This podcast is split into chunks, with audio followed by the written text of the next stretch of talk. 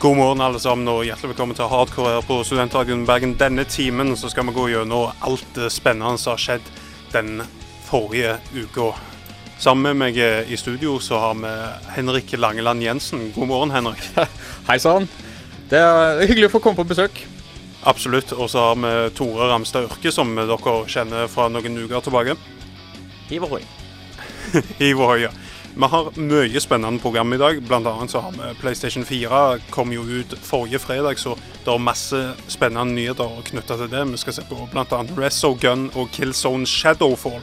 I tillegg, Brown Friday er noe som ikke så mange har hørt om, men de fleste har vel hørt om Black Friday, så vi skal utforske dette spennende fenomenet. Og ikke minst så har det vært, eh, og er vel fortsatt, et salg på Steam her Uh, det er vel uh, slutt akkurat nå, tror jeg. Det, det, følger jo stort sett amerikanske tider, det her, så det er vel klokka sju på mandagskvelden at det er ferdig, tror jeg. Så ja, da må dere få tak i en tidsmaskin uh, ganske kjapt. mitt navn er Tormod Tusebø, altså. Vi har tonnevis med show vi skal gå gjennom i dag, så det er bare å holde seg til Studentradioen Bergen.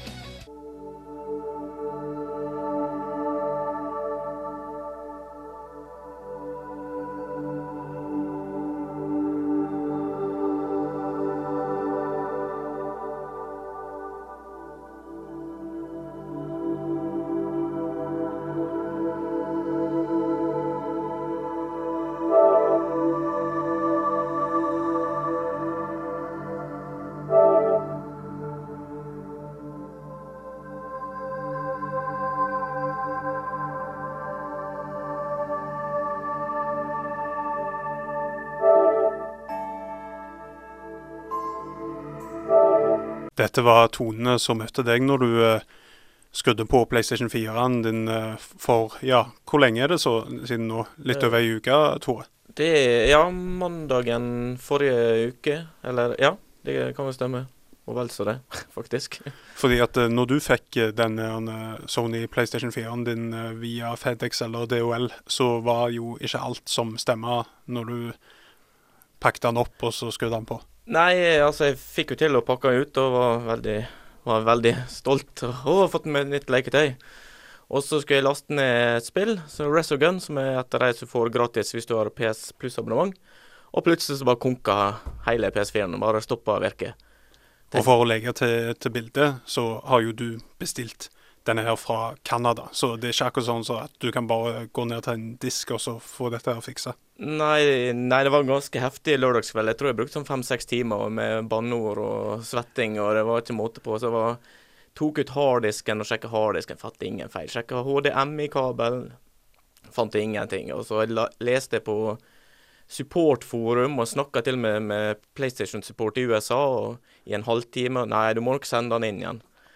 Og så ja, prøvde å skrive mer på PlayStation-forum og få hjelp, og det var Var de glade for at du hadde importert en? Nei, de sa vel ingenting. Det var sånn Ja, vi, eh, vi skal få til uh, Sende en boks, sånn at du kan uh, sende den inn igjen. Uh, ja, men jeg er i Norge, sa jeg. Å oh, ja, nei, da må, du, da må du ta kontakt med der du kjøpt, kjøpt den, ja. Så da var ikke høy i hatten, for å si det mildt. Men når kom gjennombruddet? det var vel dagen etterpå. Det var bare med en tilfeldighet. For du la deg skikkelig skuffa? Jeg hadde aldri vært så sint når jeg lagt meg før. Det var helt utrolig. Jeg brukte sikkert en time bare på å sovne den kvelden. Men dagen etterpå så testa jeg ut en um, strømkabel. Strømkabelen som jeg brukte, det var jo den som fulgte med, og den har jo sånn uh, Den passer ikke inn i et norsk støpsel. Så du bare tok en som hadde ligget der, eller ja, tok du fra PC-en? Jeg tok fra Apple-TV-en, faktisk. Så bare plugga den inn, og ah, OK, får prøve. Det er sikkert ikke det som virker. Lasta ned Resogun. Jøss. Yes. Det gikk helt faktisk i mål. og begynte for å spille. For en konka når du prøvde å gjøre et eller annet og gå ja, på Killzone eller virka så, Ja, når Jeg tenkte først det var noe med harddisken, for når han begynte å laste ned eller uh, skrive eller spille fra harddisken, så tenkte jeg OK, da er det der feilen ligger. Men tydeligvis et eller annet strømledning da, som har gjort at han ikke fått nok strøm. Så når maskinen begynte å arbeide litt, så Nei, her er ikke nok strøm. Stopp. Så da, det var bare å bytte ut strømkabelen. og så Først brukte jeg den jeg hadde til Apple TV, så for jeg på Claes Olsson, kjøpte meg en til vet, 50 kroner. Funka som en drøm siden. Det høres jo ut som ja, hvilken som helst julefilm eller sånn suksesshistorie. Ja, hvis du har en sånn halleluja-vignett eller noe sånt, nå, så er jingle, så bare spiller den av. Det må være litt av et adrenalinrush. Var det en ren tilfeldighet at du prøvde å bytte ut strømkablene, eller var det Ja, det liksom var- en fast post på programmet? Det var bare noe Det var bare, jeg Først prøvde jeg å sette sånn Det kunne være noe med nettverkinnstillinger. Jeg kobla inn med LAN-kabel og satte statisk IP og masse sånn tull. Jeg tenker dette funker ikke, men men jeg må jo bare prøve. Og så tenkte jeg strømkabelen, det har jeg ikke testa. Så wow. Kan, kan jeg spørre hvorfor du, hvorfor du valgte å kjøpe en PlayStation såpass tidlig som du har gjort? Nei. Er det fordi du liksom har nytt leketøy? Er det? Ja, det var mest det. Og så få det så fort som mulig. Ja. Jeg fikk jo eh, da eh, mandag Det kom ut var det 18. november i USA, og jeg hadde den på mandagen etterpå. 22. Det er ganske bra. Nei, vent nå, da. Jeg beklager. 15. november kom han ut i USA, og jeg hadde han 18. november. Så han ble sendt natt til fredag og kom hit til Norge på mandagen. Så. Men mandagen var ikke en lykkedag for meg. Det var Nei, Black Det- Monday. kan, Det var- kan jeg tenke ja. meg. Nei, det blir vel litt sånn betatesting i begynnelsen av disse nye konsollene, er redd for. At vi får en del feil. Det har vel allerede dukka opp ganske mange forskjellige folk som Jeg lurer på om prosentsatsen var satt på 3 promille, eller 0,03 prosent, Ja, det var, det var som har, har hatt problemer med PlayStation 4 pga. sånn som PlayStation 4 er satt sammen. Ja, det var jo én million som ble solgt i USA på lanseringsdatoen. Så hvis du Hva det jeg sa, det var 0,4% eller noe sånt. Og det er jo fortsatt hva var det, 10 000-20 000 konsoller. Så jeg tenkte nå har jeg vært maks uheldig. Jeg las jo bare opp, side opp og side ned på forumet der. Og, å, det funka ikke bildet, og han bare låser seg og krasjer og masse styr. Så. Du hører på Hardcore sin Sony PlayStation 4 launch eh, spesial. Sammen med meg har jeg Tor Ramstørke og Henrik Langeland Jensen. Vi er litt amputert i dag, men ja. eh, Det, Sånn er det, det. vi får seile med det mannskapet vi har, eh, som Einar Førde sa. Vi skal høre mye mer fra PlayStation 4, men aller først skal vi høre en liten sang om PlayStation 4 av Joel K. Sullivan med PlayStation 4 Love her på Studentradioen i Bergen. altså.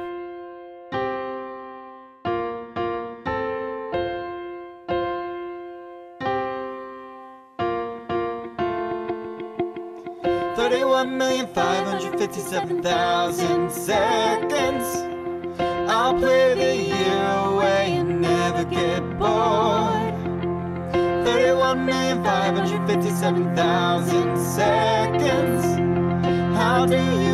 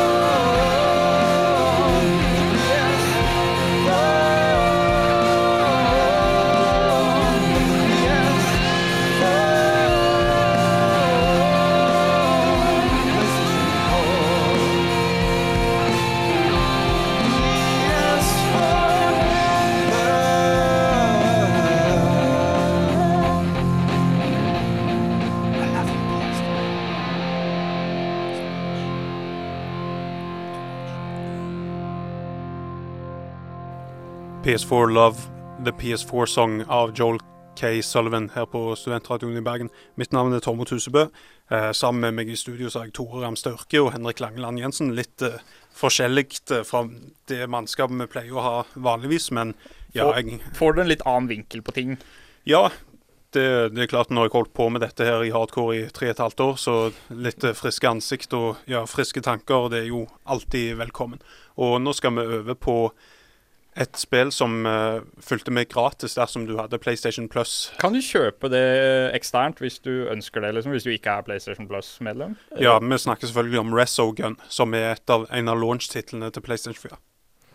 Ja, det koster vel I USA så koster det i hvert fall sånn Jeg tror det er enten 10 eller 15 dollar hvis du Å ja, skal, hvis du skal kjøpe det utenom eh, PlayStation. Det er bare sånn nedlastbart, du får ikke kjøpt det i butikken, eller? Nei, det er kun eh, for eh, nedlasting. Så jeg er ikke helt sikker på hva prisene er i Norge, men eh, det er vel Jeg tipper en 50 til 100 kroner. Ja.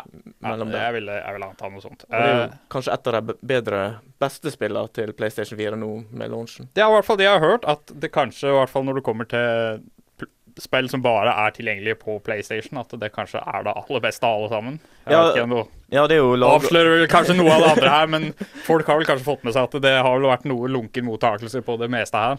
Ja, altså, det, det er jo laga av de som har um, også laga Super Stardust Delta og eh, Super Stardust HD på PlayStation 4 Nei, PlayStation 3 og Vita. Som er veldig enkle og gode spill. Altså, det er jo old, det- old school shooters. Ja, en twin stick shooter, er det det vi, vi kaller det her? Ja, det er nettopp det, og det det funker veldig bra. Jeg synes det, det er en liten sånn throwback til gamle tider. Så hvis du liker, hvis du liker litt gamle spill, så er det bra. Og så ser det bra ut òg. Den bruker jo faktisk eh, hele krafta til PlayStation 4, men det er jo kanskje ikke på grunn av Altså det er jo på grunn av alle partikkeleffektene og sånn som er i spillet. Så det, når det smeller der, så smeller det virkelig. Men føles det bra å spille, liksom? Ja, jeg, det, det spillet jeg har spilt mest på PlayStation 4 nå. Jeg har, jeg har jo Killzone også, men jeg har ikke spilt det så masse, for jeg har brukt mesteparten av tida mi på Resogun. Og det, det er veldig eh, vanedannende, og det, det leser jeg også av andre brukere. Så det er sånn, de spiller omtrent kun Resogun, for det, det bare er så hekta på det. Ja, det er jo ganske lett å hoppe inn og ut av, vil jeg òg tro. Ja, det er jo sånn eh, de mest populære spillene er sånn lett å lære og vanskelig å mestre. Ja, ja, Ja, ikke sant? Mm.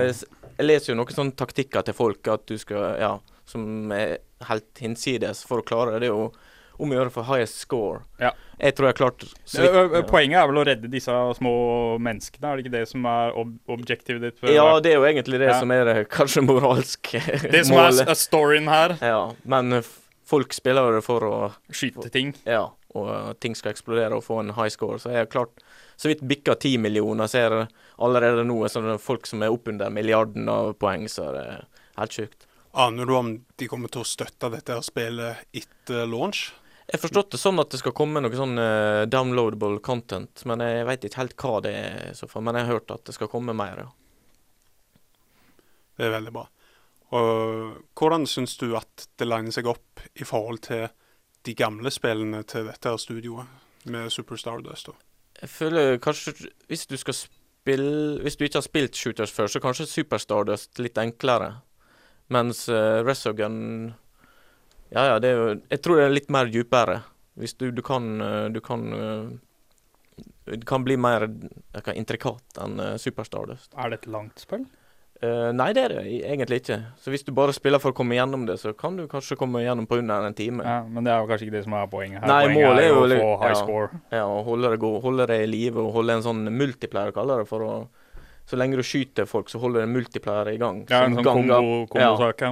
Ja. Og hvis du lar den dø ut, så mister du poeng. Så. Jeg ser at uh, både på IGN og på Polygon og Destructoid, noen av ja, de bedre spillkritiske sidene uh, Ja, hvis vi ekskluderer IGN, da er du mer eh, fornøyd? da? Ah, OK. Ja, ålreit. Ni av ti fra IGN og 8,5 fra Polygon og 9,5 fra Destructoid. Syns du at dette er scores som hører hjemme i et sånt spill? Ja, jeg syns det gir ganske Altså mange timer med underholdning. Det er et billig spill. Om du er PlayStation Plus-abonnent, så er det gratis. Så er absolutt vel verdt eh, de pengene du enten investerer i et PlayStation Plus-abonnement, eller om du kjøper det utenom, vil jeg påstå. Før vi gyver løs på Killzone, Killzone Shadowfall, så skal vi høre litt av hvordan Resogun til PlayStation 4 høres ut her på Studentradioen i Bergen. Hardcore er altså programmet.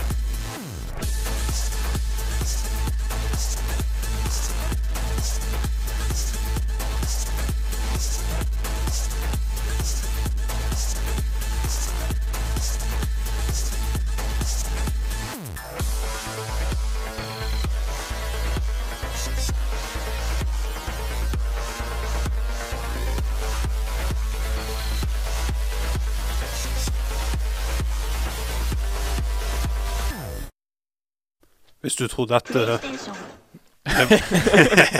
hvis, Hvis du trodde at vi var et house-program, eller hva enn eh, den musikkstilen eh, er, så tenkte du feil. Dette er hardcore på Studentradioen Bergen. Det var lyden av Resogun, altså. Ja, vi skal over på Killzone Shadowfall, som er et av eh, de mest antisiperte launch-spillene til PlayStation 4. Det er jo ikke så voldsomt mange andre å velge av, så ja, vi får håpe at eh, dette er et spill som folk eh, liker. Kan jeg bare skyte inn et spørsmål her? For jeg er ikke så veldig kjent med akkurat Killzone-serien. da. Men hva er liksom appellen med Killzone? Futuristisk uh, first person shooter. Å oh, ja, ja, men det, ja, ja. Det har jeg spilt. ja.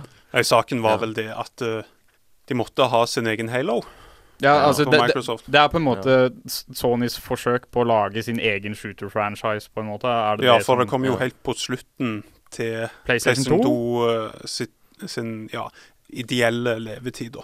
Ja, Mm. akkurat. Så det er på en måte si, Det er ikke noe sånn utenom det vanlige, egentlig. Nei, det er jo kanskje I det det- den kritikken til det spillet har gått ut på. At det er litt sånn Ja, Det er et bra tenk- spill. Nå tenker vi på Shadowfall Ja. spesifikt, ikke sant? Ja. Ja. Det er et bra spill, men at det er kanskje er kanskje litt safe, virker det som. Ja. Ut ifra det, det jeg har lest da, og prøvd det lille, så Det ser unektelig ganske bra ut, men eh, jeg sier gir det Guerrilla Games et par år til på baken, så jeg tror Killzone Men har ikke Guerrilla Games på en måte hatt nok år på baken allerede? De har jo Ja, jeg vet ikke, nå har jeg holdt på sikkert et år eller to med PS4-arkitekturen, men eh, jeg tror det, jeg tror det er mer å dra ut ifra den maskinen. Men det er jo det, det er vel først og fremst innvendinger i forhold til spilldesignet. Det ja. handler ikke så mye om det grafiske, fordi at det grafiske er jo helt nydelig. Jeg vil tro at det rendererer veldig kjapt. Det er Ja. legg, noe som typisk sett når det er sånn skikkelig high-end-grafikk i et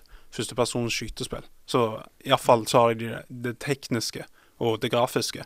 Men så er det spilldesignet. Jeg hører spesielt at kampanjen blir veldig trøtt etter hvert. Jeg har hørt at AI-en skal være veldig svak.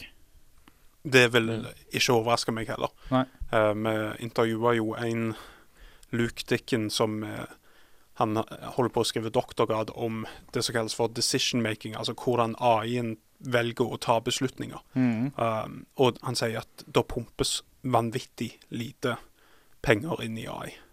For det var vel, skulle vel være en av de nye revolusjonene innenfor denne her Ja, vi har generasjonen. venta liksom hver på en måte konsollkvartal og konsollgenerasjon så skal da komme AI som er så jævla mye smartere. Men problemet er at, at AI-en hele tida skal jo ikke være en skikkelig fiende. Det skal jo bare gi spilleren bitte litt motstand. Og det her kan vi vel kanskje gi Cold Duty noe av skylda, kan vi ikke det? For det, Ja, det var de som starta det her shooting gallery-trenden. Du kan òg gi til Soldier of Fortune 2. Double Helix. ok. Soldier of Fortune 2, det, det, det, det har en del problemer, det spillet. Det skal jeg være med på. Men, Men, var ikke det Men du er ikke veldig imponert av det? Det har ikke hooka deg inn på samme måte som er- som er et ja, et spill som er av mye mindre ambisjoner? Nei, altså, jeg tror jo Jo lenger ut i spillet, så Altså, jeg spilte gjennom Husker jeg spilte gjennom Halo 3. Nå, jeg vet ikke om jeg banna i kirka, men jeg syns det var OK. Det var OK. Så jeg har litt samme følelsen av eh, he, eh, eh, Killzone. Det blir sånn jeg kommer gjennom, det er gøy, men det er sånn wow. Den, den mangler liksom den uh, Vi vi har spilt så jævla mange førstepersons skytespill Ja. at på, på et, et eller annet tidspunkt så slutter det å fungere. Ja, det blir litt sånn uh, Altså, spenningskurva er veldig flat. På, ja. Ja, spesielt nå som multiplayer-hverdagen er, er fullt med førstepersonsshooter, og så Ja. uh, legger opp til at du skal spille et spill hele veien, og så når det, når det kommer et nytt Call of Duty, så avløser det. Ja, og så kommer jo det en del altså Det blir spennende å se hvordan dette her står opp mot ja. Destiny er vel også et storspill som first person shooter. Det er vel Bungee Bungie sitt. Ja, Ja, det så det kommer jo både til Xbox One og PlayStation 4. Bare det? Eh, Ja, foreløpig. Eller om det er Titanfall som kommer til PC. ja, Titanfall kommer vel både til Xbox One og PC, Ja. hvis jeg har lest det riktig. Så. Det gjør det. Så Mm. Killzone Sh- Shadowfall er ikke ja, det mest imponerende, men det er sikkert litt Nei. mer imponerende enn Resistance Fall of Man, som kommer ja, som launchspill til PlayStation. Må ha en eller annen sånn småstor first person shooter hver lansering.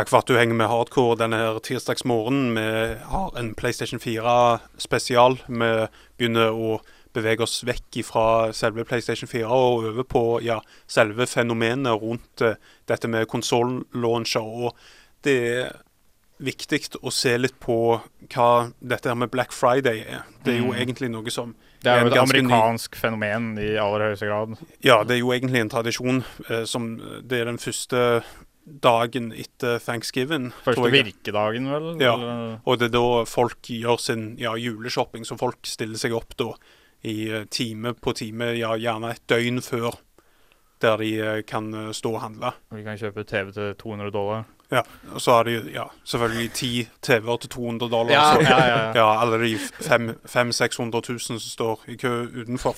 600 000, ja. Ja, Alle altså, kan ikke få hvert sitt TV. ja, noen er nødt til å- til å bli trampa ned, akkurat sånn så ja, de slipper løs noen vannbøffels. Så eh, vi skal over på Stampede. Ja, og det er jo noen som prøver seg på dette her i Norge med komplett og sånn, men det, det er jo mer i siviliserte former. Det er jo Ja, komplett er jo på internett. Så, Så vi skal over på noe som slipper å stå i kø der.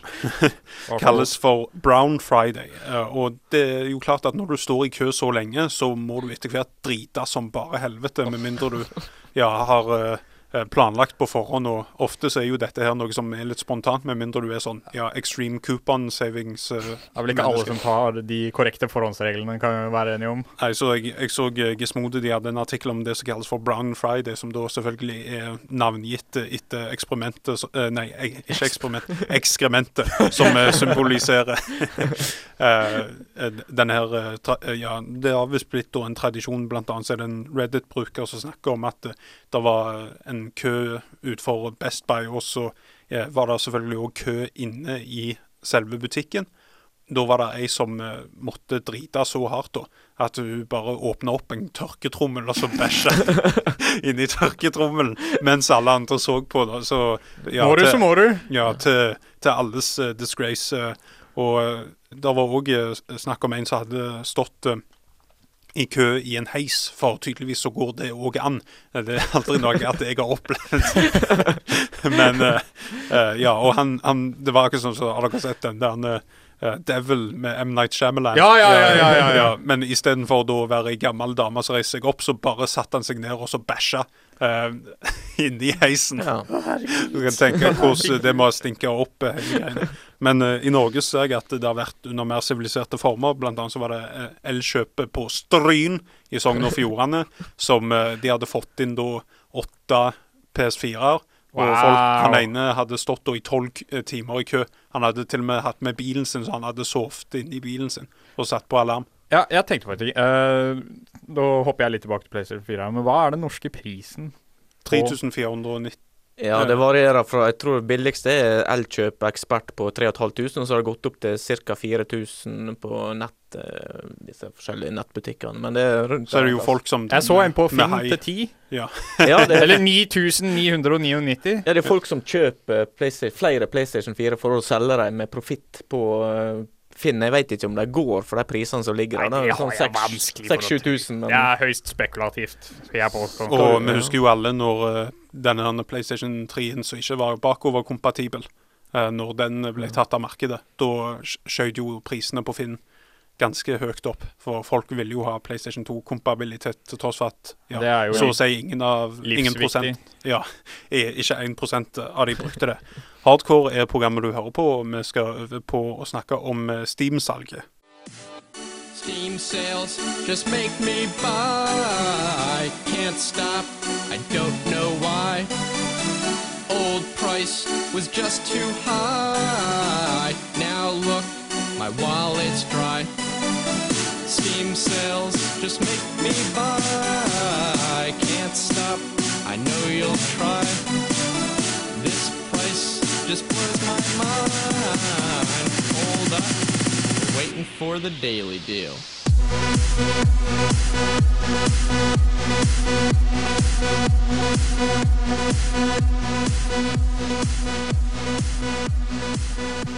Dette er Hardcore på Studentradioen Bergen. Du eh, hører på oss denne her tirsdagsmorgen. Vi skal over på å snakke om eh, Steam-salget, for Henrik, du er jo eh, glad i å kjøpe ting når de er billige på Steam. ja, jeg vet ikke hvor mye penger jeg sparer på for det, det eneste som skjer, er at når ting er billig, så kjøper du bare mer. Og det, det er jo selvfølgelig et problem. Det her er på en måte det Måten jeg anskaffer meg spill på nå for dagen, det er stort sett å handle de på, på tilbud på internett. Det er veldig flott med denne digitale distribusjonsmodellen.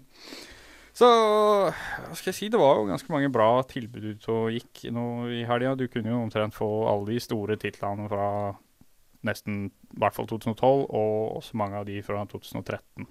Så det her var jo i forbindelse med Black Friday. Det skal kanskje også sies at det, det var jo ikke bare Steam som hadde salg, det var salg på Gamersgate, det var salg på Greenman Gaming, til og med GOG hadde sine tilbud, og hvis du, hvis du ville hatt et spill, så kunne du fått det på tilbud, antageligvis for 75% avslag, så det er jo veldig bra. Nå lurer jeg på to ting. Ja. Én, hva spill du har kjøpt, og to, hvor masse penger har du brukt de siste tre-fire dagene på disse salgene? Ja, det, det jeg gjorde, det var at eh, jeg på fredag Så jeg brukte faktisk ikke så veldig mye. Jeg brukte 30 euro, tror jeg jeg brukte. Jeg kjøpte Det er jo ingenting. Nei, jeg, jeg, kjøpte, jeg kjøpte tre ting. Det var det jeg gjorde. Jeg kjøpte, jeg kjøpte uh, Skyrim. For jeg, jeg tenkte OK, greit, jeg kan jo prøve det ut, egentlig. Og så kjøpte jeg Civilization 5, eh, Brave New World. Det var det jeg kjøpte. Og så henta jeg én ting på Gamersgate, hvor jeg henta Sword of the Stars The Pit.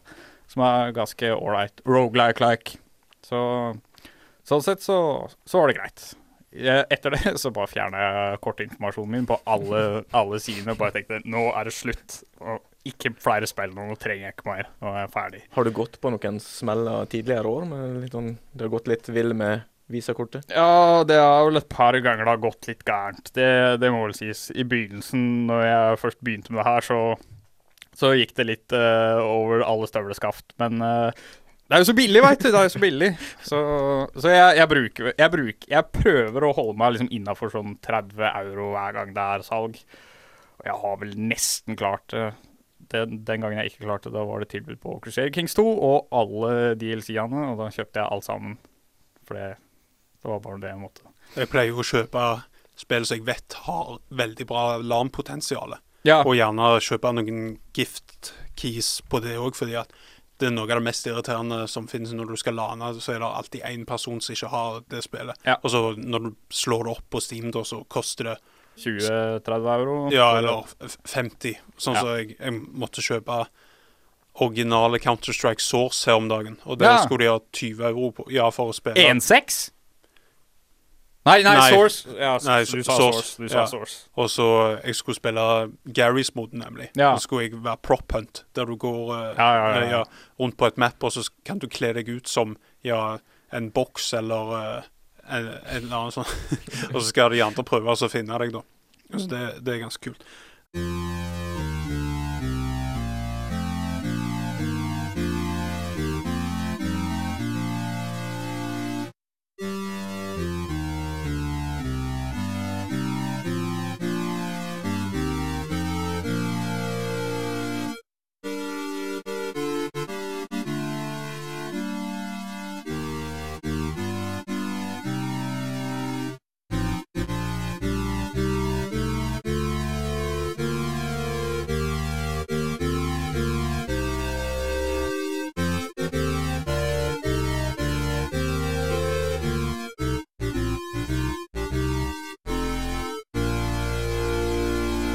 Vårt lille land Norge. Det er jo sånn at uh, vi har jo hatt Funcom her, og tidligere så hadde vi òg Innerloop eh, Studios, som er Oh, project I'm going in. ja, Eneren var faktisk ganske ålreit. Toeren var kanskje ikke like bra. Joint Strike Fighter ja, ja, OK. Bra, brukbart uh, flysimulatorspill. Det har jo skjedd en voldsom oppblomstring av indie-utviklere her i Norge, men vi skal over på ja, det som mange vil si er PC-gamingens gullalder, nemlig på slutten av 90-tallet. Da, da hadde du blant annet eh, Commandos, som var taktisk strategispill. Og, Ja, ja. og selvfølgelig òg Hidden and Dangerous. Hidden For and eh, Dangerous. det er noen av spillene som faktisk er satt i Norge. Det var derfor jeg valgte ja, den 8-bit-greia. jeg tror det må være Summer eller Winter Games på Commodore 64. som skal høre litt tape fra Commandos Behind Enemy Lines fra 1998, som åpningsoppdraget der er jo satt uh, på Sola, som er ikke så langt ifra der jeg kom fra. Sola flyplass, der du skal skru av en radiostasjon. Norway, February 1941. Since the retreat from Narvik in June last year, Ja, nå blir jeg Norway litt has nostalgisk remained her. Det her under husker jeg, German ass. occupation. The Luftwaffe has established important ja. airfields at Trondheim, Hurdla and Stavanger. These put the whole North Sea in range sånn. of the German Stavanger! The first mission of your unit will be to attack a poorly defended relay station at Sola as Sola. a part of an incursion near the Stavanger airfield. This will block radio communications for some hours, which will delay German når han sa det på reinforcements. Colonel Montague Smith will be briefing you from now on. Welcome to Norway, officer. Let's get to the point. I want the relay station in this small island knocked down. Det er òg faktisk en expansion til originale Commandos Behind Enemy Lines. Beyond the Cold Duty? Nei, det jeg eh, tenker på, det er Destination Norway. Oh, ja. Som uh, setter mange eh, oppdrag til Norge som ekspanderer mye mer på ja, de norske mapsene. Vi kan òg se litt på Hidden and Dangerous, som var ja, taktisk ligner bitte litt på Ja. Rainbow Six. ja, sånn stealth-spill fra andre verdenskrig. Ja, Hidden and Dangerous Deluxe. eh, De, der er det faktisk et mission som heter Haraldholm, eh, som er satt på Haraldholm. Jeg aner ikke helt hvor det er. Jeg mistenker at det er fiktivt. Eh, så er det et mission som heter Thor's Hammer.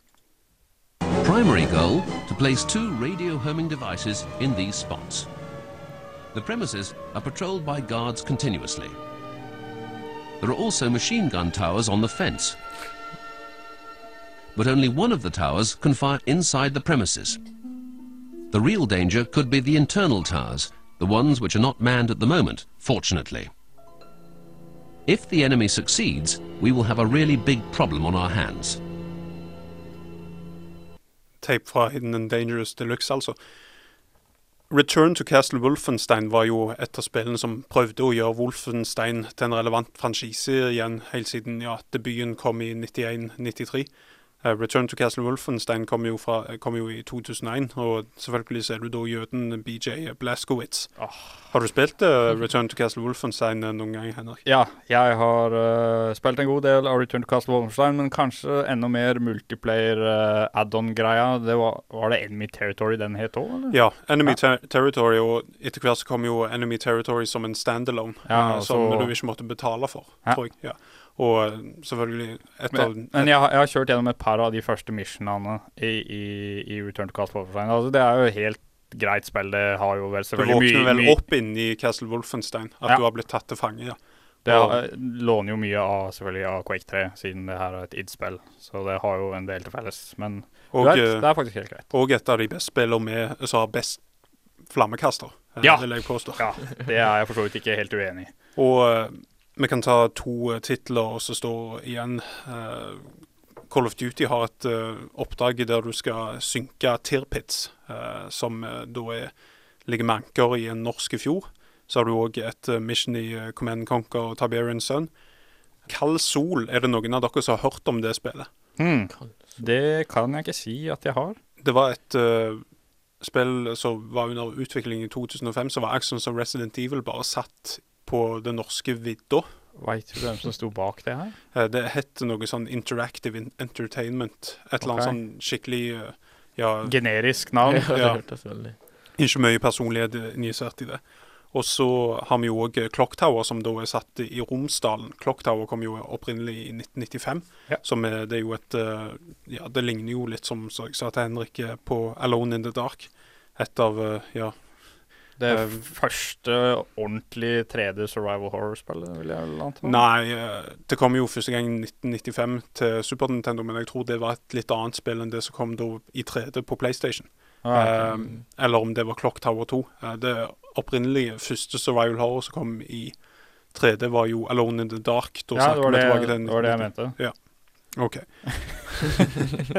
ja, så uh, vi skal over og snakke om mer gamle PC-spill rett etter dette, nemlig Broken Sword 5, The Serpent's Curse. Her skal vi høre litt fra traileren til det originale Broken Sword, Shadow of the Templars.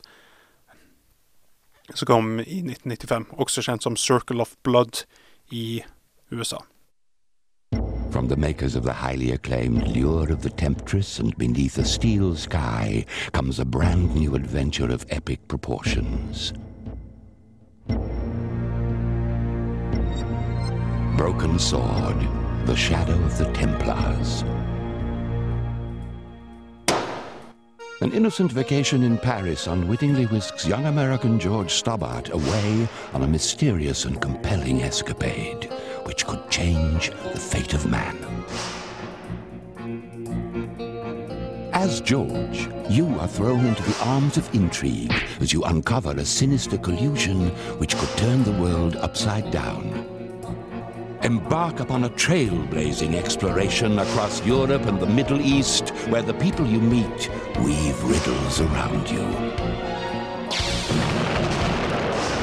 Uncover their infernal secrets, reveal their monstrous plan. Call upon your deepest strength and staunch resolve to challenge these black hearts to betray the unspeakable truth. This is clandestine. This is arcane. This is Broken Sword, the shadow of the Templars. Over 15 år siden. Det var et spill som ja, var i alles hjerter.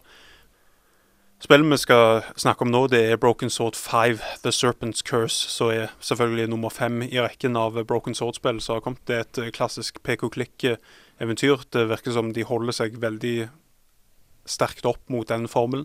De bruker jo 2D håndmalte og tegnte bakgrunner sammen med 3D prerendererte modeller, sånn at eh, det rent visuelle ser foreløpig veldig, veldig tiltalende ut. Og det kommer altså ut i morgen, onsdag.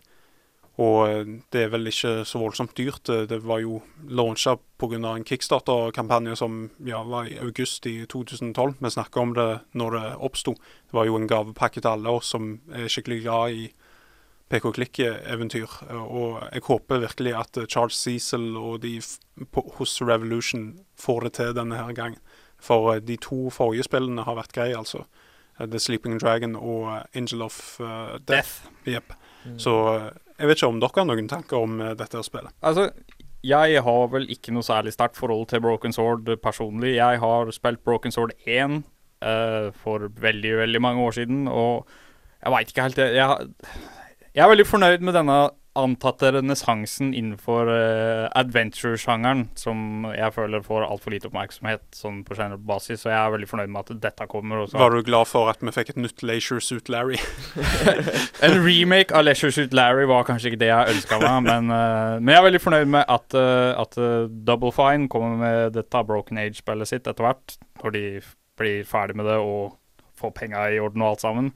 Jeg vet ikke, jeg har aldri vært sånn super Tim Shafer-fan. Og jeg er uh, veldig stor fan av eldre Lucas Arts-titler, så jeg er jo veldig glad for at dette kommer. kommer. Uh, vi har jo flere andre adventure-spesialister, vil jeg påstå. Eh, Kings Quest, det kom vel en eller annen spirituell etterfølger der òg, tror jeg. Ja, det er kult. Ja. Uh, Police Quest klarte det ikke, det var, det var litt dumt. Ja, Kanskje det var Space Quest, når jeg blanda litt disse gamle Men Sierra ja, Sierra-spillene. Online-spiller. Så eh, det er bare å sjekke ut det i morgen. Vi Ja. gleder oss eh, selvfølgelig kjempemye til Broken Sword 5, The Serpent's Curse.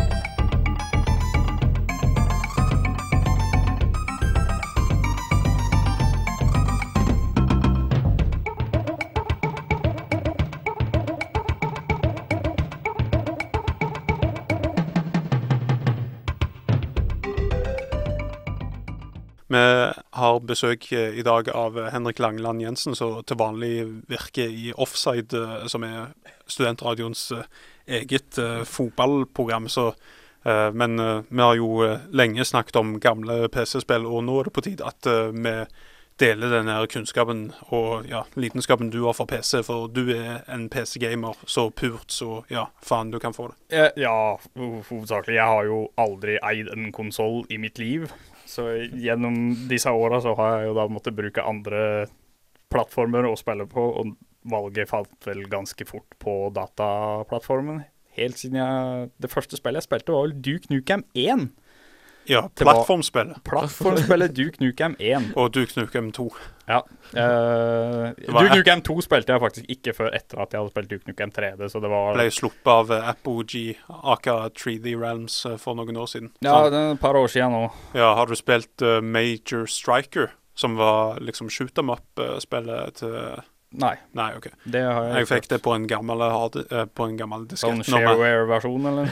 Selvfølgelig. Ja. uh, shareware er jo et, eh, sikkert et nøkkelord som skal dras litt uh, framover. Hva andre spill er det som betyr mye for deg? Ja, altså, jeg vil jo Altså, når det kommer til spill som egentlig har betydd mye for meg, og egentlig min, min sånn, hva skal jeg si Spill som, som har danna et lys som jeg egentlig ser mange andre spill i, liksom. Eh, det, det spillet som kanskje gjorde størst inntrykk på meg når jeg var yngre, og som vel egentlig er det spillet som har gjort størst inntrykk på meg sånn gjennom tidene, er vel egentlig Fallout 2, tror jeg. Det, det var mitt favorittspill uh, lenge, og er vel fortsatt det. Jeg vet ikke, jeg har liksom ikke Jeg har blitt litt sånn kynisk i mine eldre dager, så jeg har liksom ikke Men eh, gleder du deg til Wasteland, som er oppfølgeren? ja, jeg ser fram til Wasteland 2. Jeg har faktisk backa det på Kickstarter, så, så jeg ser jo fram til det. Jeg har jo antageligvis mine skal jeg si, eh, reservasjoner mot det også. Men, eh, men jeg tror det har potensial til å bli bra. Hva slags jeg- reservasjoner har du? Nei, jeg, jeg, jeg har jo ikke nødvendigvis, nødvendigvis klokketro på Brian Fargo og In Exile Entertainment. Mye av det de har gjort, er jo kanskje ikke noe av det best, beste sånn Choplifter HD og hva er det Hunted Demons Forge, var det ikke det de ga ut her? da? Ja, ja, stemmer. Ja. Det var ikke sånn som Gears of War bare satt i middelalderen. Ja, jeg tror det var ganske elendig. Jeg har aldri spilt det sjøl, men eh, Det var helt OK. Ku kult coop-spill, men faen ikke noe mer. Men det skal jo sies at jeg tror nå de har henta inn masse eh, folk med, med rollespillerfaring. Og Er det ikke opprinnelig Wasteland-fyren som står bak? Jo, Brian Fargo var Ja. jo CEO av Interplay. Så han, han, han var jo sjefen når de laga Fallout, når de laga Icewind Dale, eh, når de laga Planescape Torment, og også når Interplay ga ut uh, Baldur's Gate, utvikla av BioWare, om jeg ikke tar helt feil. Eh, men Fallout 2 er vel kanskje det spillet som har gjort størst inntrykk på meg. og har gjort Hva du elsker såpass mye med det spillet, annet enn at det beveger seg så jævlig seint? Det, ja, det, det var jo Det er jo Det er mye problemer med det spillet, for så vidt, men, men hele denne, denne, måte, denne åpne verden som jeg hadde eh, den gangen der, som samtidig var litt sånn strukturert, med en interessant historie uh, Jeg var ni år når jeg runda det, tror jeg, så Og jeg, jeg har gått tilbake til det nå i ettertid, og det holder seg egentlig relativt greit hvis du resser det opp lite grann. uh, og, men denne, denne åpne verden som du på en måte kunne takle litt sånn som du ville, og det er liksom ikke litt sånn som Det er ikke sånn som mange av de nyere RPG-ene hvor det på en måte er litt sånn enten så er du slem, eller så er du snill. Her er det litt sånn eh, det som så fint kalles shades of grey, som på en måte er eh, godt, godt visualisert, hvor du kan være litt sånn midt imellom alt sammen. Og også at valgene dine har reelle konsekvenser. Det, er, eh, det føler jeg er noe av den virkelig store appellen, sånn at du kan fucke opp skikkelig, liksom. Og gjøre sånn at alle, veldig mange hater det. At du, må liksom, du må ta valg, og du må liksom tenke litt over de valgene du gjør. Da. Du kan ikke bare si ja, nei, ja, nei, ja, nei. Liksom, du, må, du må ta noen beslutninger. Og det føler jeg er noe som kanskje mangler i dagens spill. Hadde Det, er det jeg håper at Wasteland 2 tar inn igjen, da. Det er også samme Project Eternity. Lenge siden du spilte det sist, eller? Uh, ja, jeg spilte det vel for eh, i 2009, tror jeg. Da, for da, det har kommet sånne, sånne mods som gjør at uh, innhold som var kutta når spillet kom ut til å begynne med, så har det kommet sånne restoration patches som på en måte innlemmer innhold som egentlig skulle vært med, som Mhm. aldri fikk plass i spillet pga. tidsproblematikk og budsjettproblematikk. Sånn at spillet er mer komplett og føles ut som en, egentlig en enda litt bedre verden. Så det Ja, du syns disse expansion, eller de ekstra greiene, har Det, har, det, det altså, det, bidrar, da. Det er jo ikke ah, essensielt på noen som helst måte, Nei. men det, det, det er jo det er jo med på å sette litt ekstra flavor, da, syns jeg. Ja, fansen vil jo alltid ha alt. Så mye som Fansen mulig. vil ha mer. Har noen av dere vært på lostlevels.com noen gang? Nei. Det er, det er akkurat som et uh, Ja, ja. en slags oversikt over alle slags spill som ikke har eh, Som det ikke går an å få tak i. Men så er det da noen som eh, Noen spill som er ferdig utvikla, men som aldri har kommet eh, eh, til butikkhyllene. Blant annet så har Ah. du Penn and Teller Smoke and Mirror, som da var disse magikerne Penn and Teller, så blant annet da i ettertid og etter hvert som han her han eh, Lost Levels-fyren kjøpte for ja, ganske så mye penger, så kjøpte han jo en kopi av Penn Teller Smoke and Mirror, sånn at du kunne spille Desert Bus. ja, ja, Ja, det har jeg lest om. Det. Verdens vest, verste spill.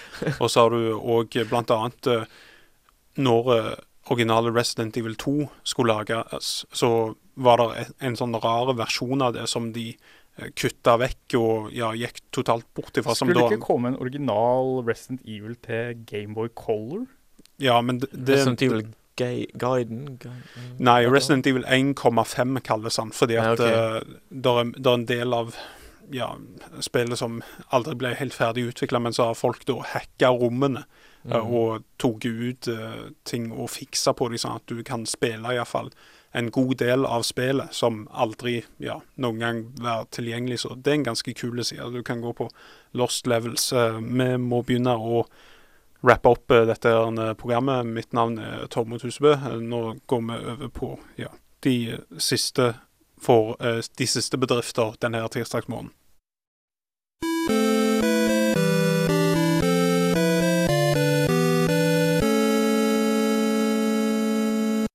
Hvis du likte det du hørte denne her timen, så kan du jo alltid gå på hardcore.srib.no og klik- klikke på podkast-fanen.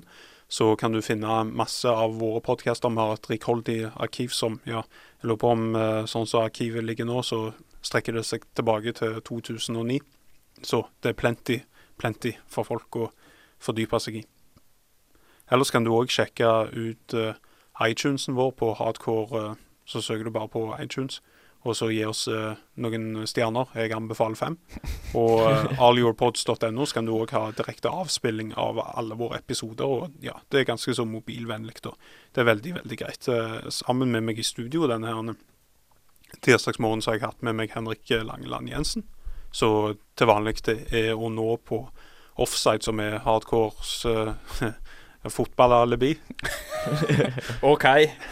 Studentradios fotballalibi, i hvert fall. Ja, det, det, går, det går an. Så ja, dere har det vel masse gøy med, med fotball og, og ting. Ja da, vi, vi kjører jo sending på onsdag, vi. Så det er bare å slå inn klokka 11 og høre på oss. Da kommer vi nok til å prate om alt det nye som har skjedd innenfor fotballverden. Mye Og- å se fram til da. Og så har jeg òg hatt med meg Tore Ramstørke, som eh, ja, jeg vet ikke om du vil titulere deg sjøl med et eller annet ti, early adopter av PlayStation 4 Ja. og GameCube-samler. PlayStation 4 betatester. Ja, noe sånt. Jeg, jeg har svetta litt for dere, det er helt Ja. greit. Hvordan går det i teknisk kontroll? Da får du sett mange kule episoder av eh, ting som skal ut på lufta. Nei, jeg veit hva som skjer neste Homeland, så Nei, det, det gjør jeg ikke. Nei, Nei det, er Jeg har sett hele juleferga som skal gå i jula, og det, det var det som har gjort de siste dagene. Så. Mm. Er det noe eh, ord om når det der familiesagaen De syv søstre blir lagt ut på TV2 Sumo? For jeg er stor fan. Å ja, nei, det kan, må jeg dessverre si at det vet jeg ikke noe om. Så Du får, du får sende meg melding. eh, jeg skal, jeg skal ta, ta snakke med sjefene, så skal jeg få Det høres flott ut. eh, Ja, hardcore på eh, Syv søstre er veldig hardcore, så det er veldig bra. du, du. Ja. Eh, vi må uh, rappe opp dette showet. Takk for at du, du var med oss eh, denne her eh, timen. Så snakkes vi senere.